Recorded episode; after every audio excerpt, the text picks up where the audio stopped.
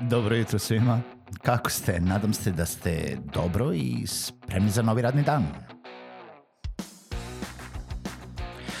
Pozdrav svima i dobrodošli na podcast Male pobede, stari novi podcast koji, well, koji je tu da bi vam kroz pitanje i savete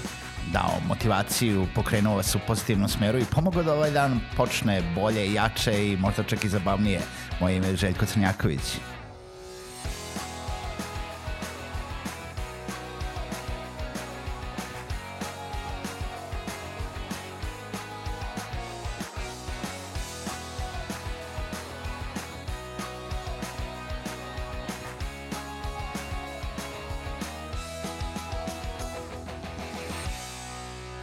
Pozdrav svima i dobrodošli u još jednu epizodu podcasta Male pobede. Moje ime, kao i uvek, je Željko Crnjaković i ja sam vaš domaćin uh, u ovom podcastu, u, ovim, u ovom putovanju kroz svet digitalnog poslovanja,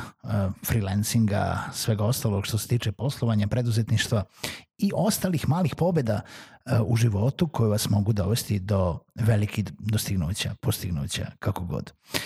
Želim da se zahvalim svima koji podržavaju ovaj podcast. A ukoliko vi to želite da uredite, možete to da uredite putem Patreon platforme, a, to je www.patreon.com kroz male pobede i ostavite vašu a, donaciju i pretplatu a, i omogućite da ovaj podcast ide i dalje svaki radni dan za sve one kojima znači koji ga slušaju. Danas želim da se fokusiram na one ljude koji se bave nekim neprofitnim radom, koji imaju udruženja. Imali smo pre nekoliko meseci a, način na koji e, i epizodu u kojoj pričamo o tome kako možete i zašto možete otvoriti udruženje i ukoliko se bavite nekim takvim stvarima Prvo, veliki aplauz za vas. Drugo, da li ste znali da možete sebi da olakšate poslovanje i da dobijete donacije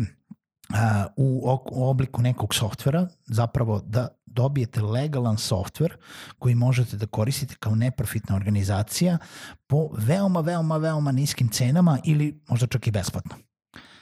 E, zašto se to radi? To je program donacije neprofitnim organizacijama koji naravno neke ogromne firme kao što je Microsoft e, nude e, nude e, ovakvim neprofitnim organizacijama, prvo zato da bi pomogle neprofitan rad, drugo zato što je to njima neka poreska olakšica u, u momentu kada doniraju određenu cenu svog proizvoda, njih to ne košta ništa, a sa druge strane bude im finansijska korist od toga što će platiti manje poreza na kraju godine zato što su obavili određenu količinu donacije. Tako da nije to apsolutno ovaj uh, apsolutno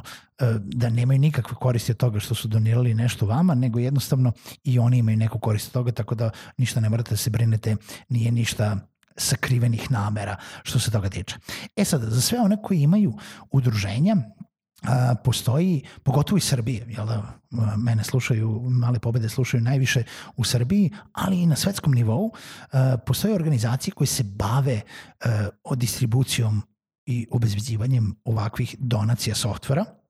A, u Srbiji, ukoliko se nalazite, jedan od onih koji mogu da preporučim je TechSoup Balkans koji je uh, samo franšize globalnog TechSoupa koji, uh, za koji možete da aplicirate i ukoliko se nalazite u nekoj drugoj zemlji, na primjer u Americi ako slušate ili u nekoj drugoj zemlji Evrope, ali ukoliko se nalazite u Srbiji možete da odete na TechSoup Balkans, uh,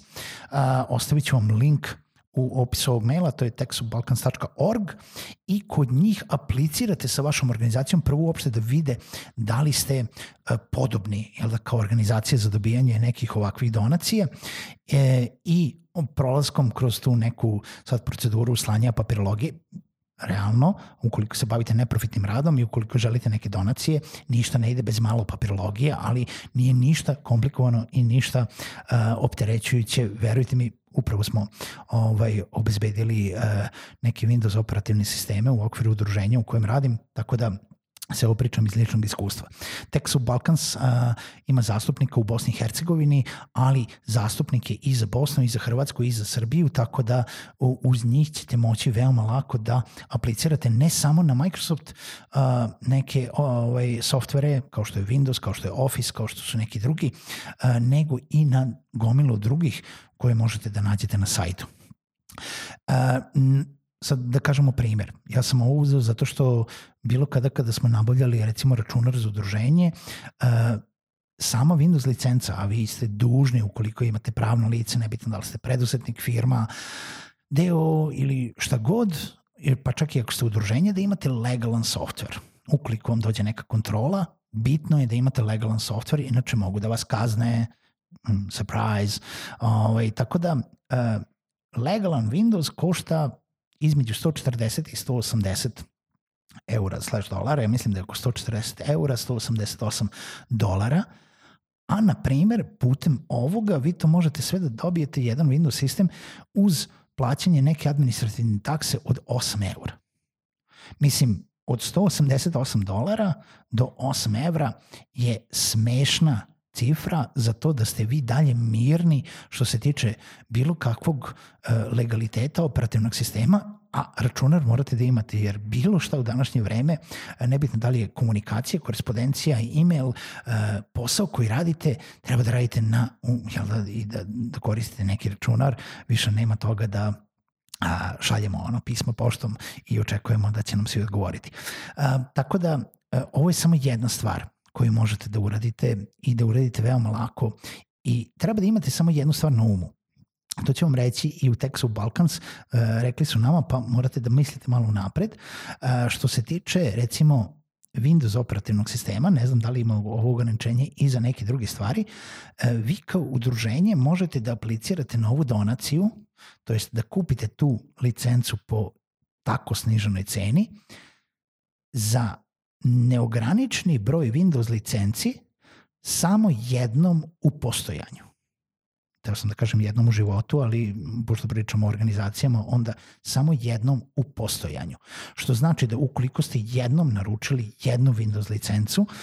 nećete moći dokupiti još jednu ili još pet ukoliko vam treba.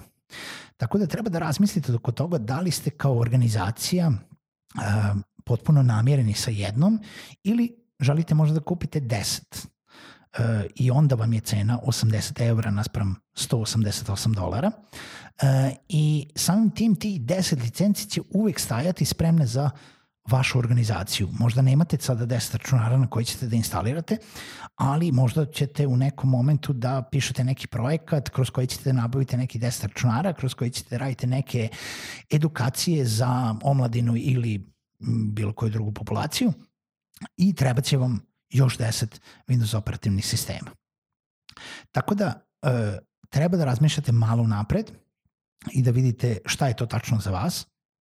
ali jeste jedan od načina da e, obezbedite sebi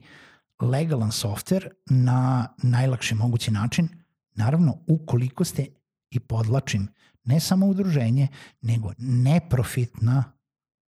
nevladina organizacija. Znači, udruženje može da bude i veoma profitabilno, ali znači, za neprofitne organizacije su omogućene ove donacije. E pa sad, toliko u ovoj epizodi, ovo je bila više ono kao fokus na nešto da e, neke pogodnosti kojima, koje, za koje možda niste znali. E, udruženja i druge neprofitne organizacije imaju